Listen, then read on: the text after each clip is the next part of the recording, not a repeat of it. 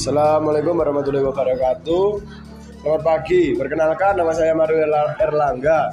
Di sini saya akan mempresentasikan hasil tugas saya yaitu tentang indikator penentuan jenis sapi. Yang pertama adalah indikator indikator penentu. Beberapa, beberapa indikator dalam menentukan jenis sapi yang akan dipelihara yaitu jumlah populasi, lalu pertambahan populasi tiap tahun, penyebaran, produksi korkas, efisiensi penggunaan pakan. Yang kedua, yaitu proses pemeliharaan bibit.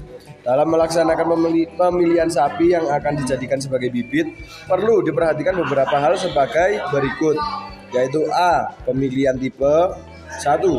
Sapi tipe pedaging Bentuk tubuh padat, dada dalam lebar.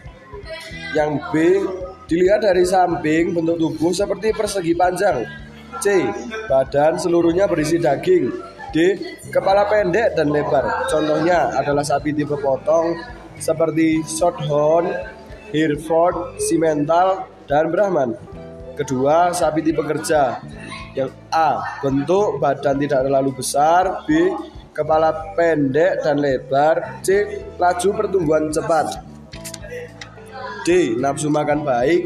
E. Bentuk kaki panjang. Contohnya adalah sapi ongoli. 3. Sapi dwiguna. Sapi ini merupakan sapi yang memiliki dua kegunaan, antara lain sebagai pedaging dan sebagai sapi pekerja. Sapi ini memiliki ciri sapi pedaging dan sapi tipe pekerja. Contohnya antara lain sapi Bali, Madura, dan peternak peranakan ongole. 3. Penilaian dan pengukuran sapi. Berikut adalah tiga hal yang perlu diperhatikan dalam menilai atau judging ternak. A. Pengamatan dari jarak jauh. B. Pengamatan dari jarak dekat, yaitu pengamatan dari arah samping, pengamatan dari arah depan, pengamatan dari arah belakang, dan pengamatan dari jarak dekat. C. Pengamatan berdasarkan tulang rusuk yang terlihat. Ternak dapat diketahui gemuk, sedang atau kurus dengan melihat jumlah tulang rusuk yang terlihat.